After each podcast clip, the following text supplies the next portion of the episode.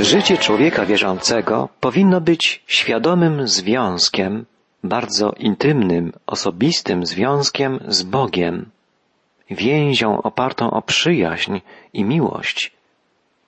Ten związek powinna cechować pewnego rodzaju wyłączność, jak pisze w piątym wierszu czwartego rozdziału swego listu apostoł Jakub. Pismo mówi, zazdrośnie chce on mieć tylko dla siebie ducha, któremu dał w nas mieszkanie. Sens tej wypowiedzi możemy wyrazić na dwa sposoby. Zazdrośnie Bóg domaga się dla siebie ducha, którego stworzył, by w nas mieszkał. Albo duch, który w nas zamieszkuje, zazdrośnie domaga się pełnego poświęcenia Bogu naszego serca. W obu wersjach chodzi o to, iż Bóg jest zazdrosnym kochankiem, który nie znosi rywala. To niezwykłe porównanie. Stary Testament nigdy nie obawiał się słowa zazdrość łączyć z Bogiem i Jego miłością. Mojżesz tak powiedział do Izraela o Bogu. Pobudzili jego zazdrość cudzymi bogami. Do Mojżesza Bóg powiedział, pobudzili mnie do zazdrości tym, co nie jest Bogiem. Domagając się wyłączności, wyłącznej czci, w przykazaniach Bóg powiedział, ja, Pan, Bóg Twój, jestem Bogiem zazdrosnym. Nie będziesz się kłaniał innemu Bogu, bowiem Pan, którego imię jest zazdrosny, jest jedynym Bogiem.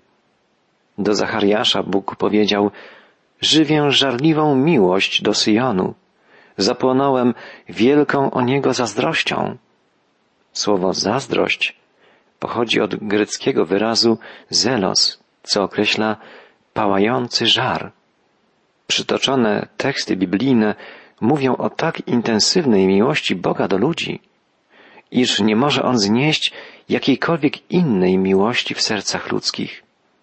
Jeśli ktoś kocha Boga, to nie kocha świata. Dzisiaj może trudniej jest nam łączyć słowo zazdrość z Bogiem, ponieważ ma ono wydźwięk pejoratywny, ujemny. Zawiera w sobie wspaniałą prawdę jednak o żarliwej miłości Boga do ludzi. Żarliwa miłość powinna cechować także człowieka, a przede wszystkim człowieka wierzącego, Boże dziecię. Taką miłością można kochać prawdziwie tylko jedną osobę. Bóg pragnie, abyśmy właśnie Jego tak żarliwie kochali, całym sercem, ze wszystkich sił. Porównanie Boga do zazdrosnego kochanka może wydawać nam się dzisiaj szokujące, ale właśnie to porównanie oddaje żarliwość miłości, jaką darzy nas Bóg. Miłość Boga do nas jest tak intensywna, że Biblia opisuje ją jako miłość zazdrosną, miłość domagającą się wyłączności. Jeżeli Bóg takim jest naprawdę, to czy jesteśmy w stanie oddawać Mu, odwzajemniać miłość i należną Mu cześć? Jakub odpowiada, iż skoro Bóg stawia wielkie wymagania, to również daje wielką łaskę, abyśmy mogli sprostać temu wymaganiu. Im większe jest wymaganie Boże, tym większej łaski udziela nam Bóg. Jednak Bożą łaskę możemy otrzymać tylko pod jednym warunkiem.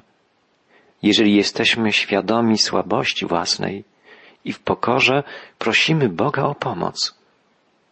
Dlatego prawdą jest fakt, że Bóg sprzeciwia się ludziom dumnym, zaś pokornym zawsze chętnie okazuje swoją łaskę. Bóg pysznym się przeciwstawia, a pokornym daje łaskę, pisze Jakub.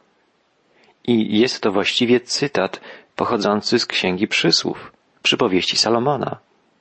Te słowa przytacza także apostoł Piotr w swoim pierwszym liście. Bóg pysznym się sprzeciwia, a pokornym łaskę daje. Czym jest pycha? Greckie wyrażenie na określenie pychy brzmi hyperefanos. Oznacza tego, który wynosi się ponad innych. Nawet Grecy nienawidzili pychy. Teofrastus określał ją jako pewne lekceważenie innych ludzi. Teofilakt, pisarz chrześcijański, nazwał ją twierdzą i szczytem wszelkiego zła. Jej szczególne niebezpieczeństwo polega na tym, że jest postawą serca. Pycha to hardość, wyniosłość serca.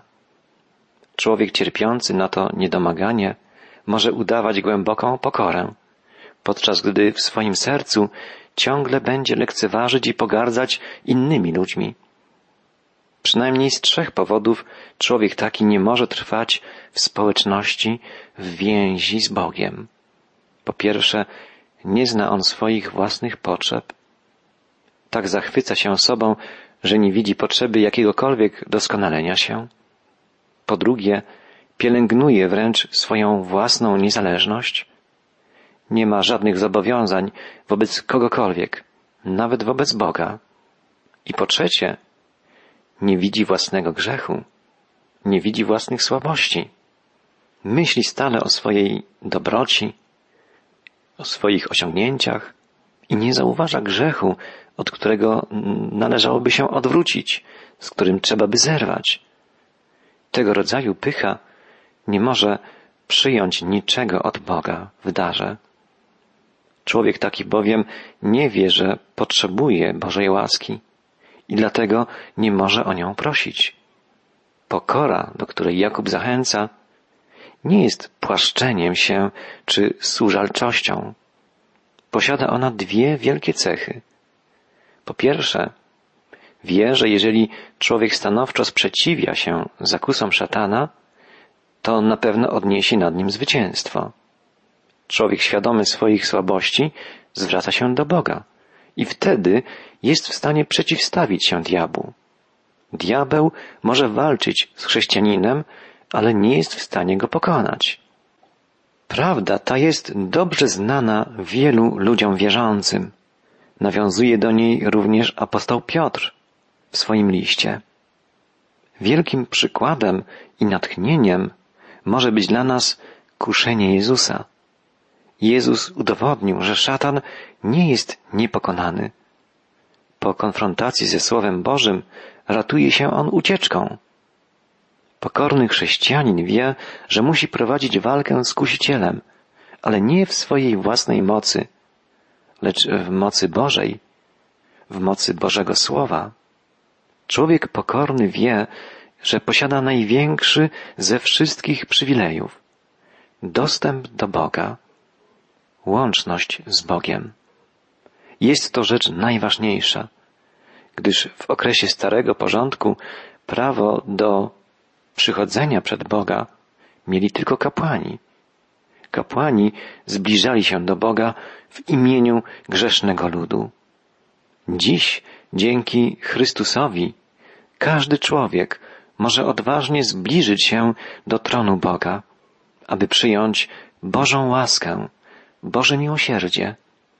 Tak, chrześcijanin, człowiek prawdziwie wierzący, uczeń Chrystusa, musi być pokorny, ale ta pokora daje mu odwagę i przekonanie, że droga do Boga dla wszystkich stoi otworem. List Jakuba wzywa nas, przeciwstawcie się diabłu, a ucieknie od was.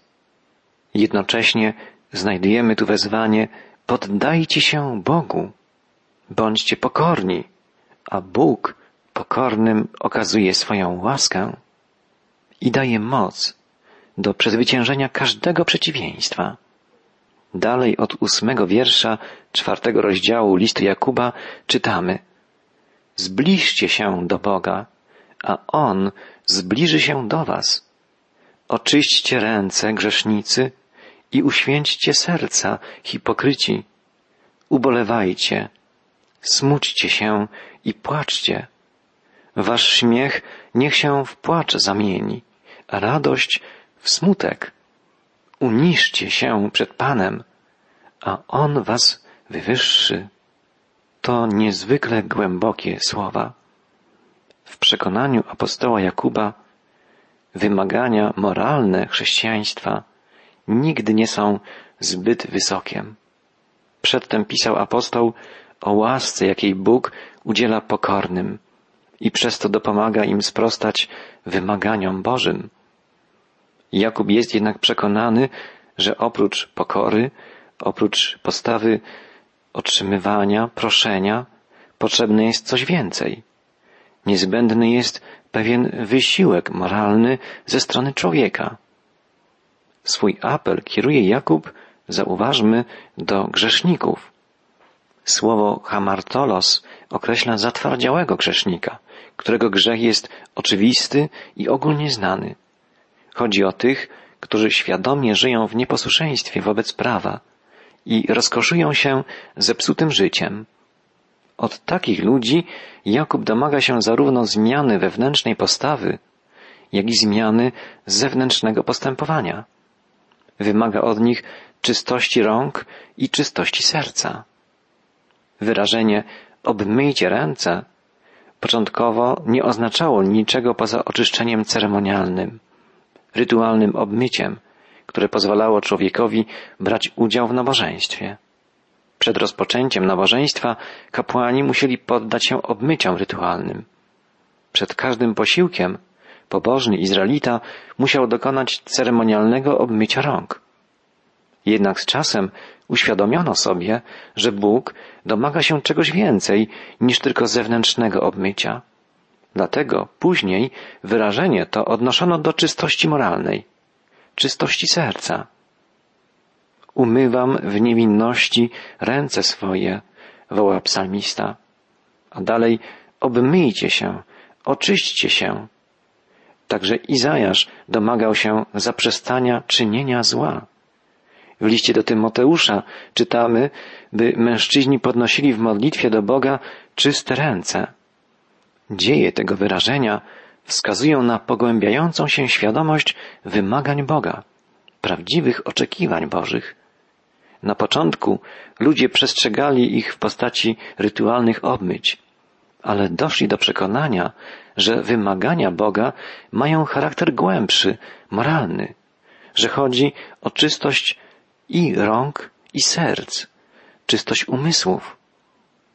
Myśl biblijna domaga się poczwórnego oczyszczenia. Jest to oczyszczenie ust, o tym czytamy w proroctwie Izajasza w szóstym rozdziale. Oczyszczenie rąk, czytamy o tym na przykład w psalmie 24. Oczyszczenia serca, tu możemy zacytować psalm 73 i oczyszczenia umysłu. O tym pisze apostoł Jakub w czwartym rozdziale swego listu. Możemy więc powiedzieć, że etyka biblijna domaga się oczyszczenia ust, czyli słów, rąk, czyli czynów, serca, czyli uczuć i umysłu, czyli myśli człowieka. Chrześcijanin musi być czysty wewnętrznie i zewnętrznie. Jezus powiedział, że tylko ludzie czystego serca będą oglądać Boga. Jakub pisze o czystości serca, nawiązując do słów Jezusa. Błogosławieni czystego serca, gdyż oni Boga oglądać będą. Następnie pisze Jakub o smutku. Nawiązuje do innego błogosławieństwa Jezusa. Błogosławieni, którzy się smucą, albowiem oni będą pocieszeni. Chrześcijańska radość nie jest czymś złym. Jakub nie twierdzi, że człowiek wierzący powinien prowadzić ponury tryb życia. Nie. Chodzi o dwie inne rzeczy. Frywolność, beztroska ma być zastąpiona roztropnością, rozwagą. Całe postępowanie nacechowane ma być czystością. Apostoł Jakub domaga się tego, co nazywa biadaniem. Czasownik grecki talaiporein może określać stan armii, która utraciła cały prowiant i nie ma gdzie schronić się w czasie burzy.